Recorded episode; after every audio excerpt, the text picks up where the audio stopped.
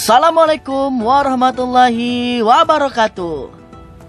Halo halo anak bapak yang hebat dan yang cerdas di mana pun kalian berada Yang sedang mendengarkan podcast Siap bersama Pak Rahmat Bagaimana kabar kalian hari ini? Semoga semua selalu dalam keadaan sehat ya Dan dalam lindungan Tuhan Anak-anak, hari ini kita akan membahas tentang mata pencaharian berdasarkan lingkungannya Sudah siap? Sebelumnya, yuk kita berdoa bersama-sama menurut keyakinan dan kepercayaan masing-masing. Berdoa dimulai. Anak-anak yang hebat dan yang cerdas, Indonesia adalah negara yang luas dan memiliki lingkungan alam yang berbeda-beda. Perbedaan lingkungan tersebut memengaruhi perbedaan mata pencaharian penduduknya. Yuk, kita simak bersama perbedaan dari mata pencaharian berdasarkan lingkungannya.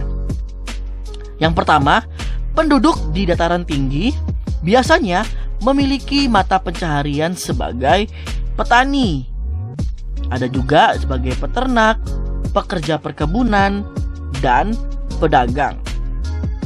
Yang kedua, penduduk di daerah dataran rendah biasanya memiliki mata pencaharian sebagai petani, peternak, perikanan darat, dan juga berdagang.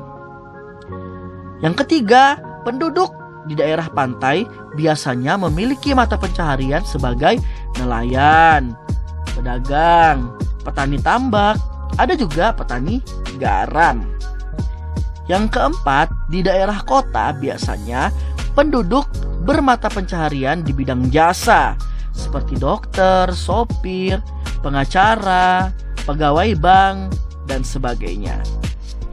Dan yang kelima, adapun penduduk di pedesaan biasanya memiliki mata pencaharian sebagai petani, pekerja perkebunan, peternak, dan juga ada yang berdagang.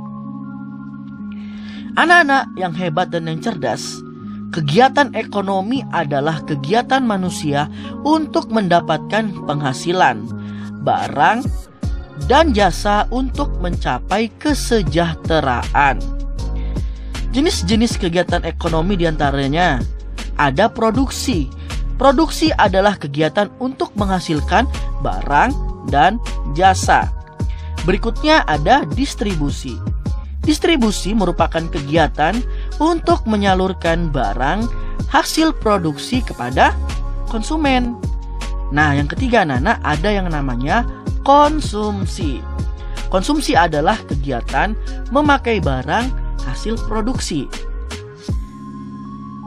Nah, kegiatan ekonomi kan kegiatan manusia untuk mendapatkan penghasilan, barang dan jasa tadi ya.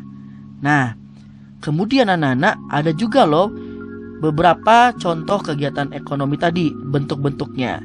Salah satunya adalah pekerjaan. Nah, pekerjaan itu dapat kita bedakan menjadi dua loh. Yang pertama, ada pekerjaan yang menghasilkan barang. Apa saja contohnya? Misalkan seorang petani, perajin, ada peternak, penjual makanan. Nah, itu mereka menghasilkan barang. Kemudian yang kedua, ada pekerjaan yang menghasilkan jasa. Apa contohnya?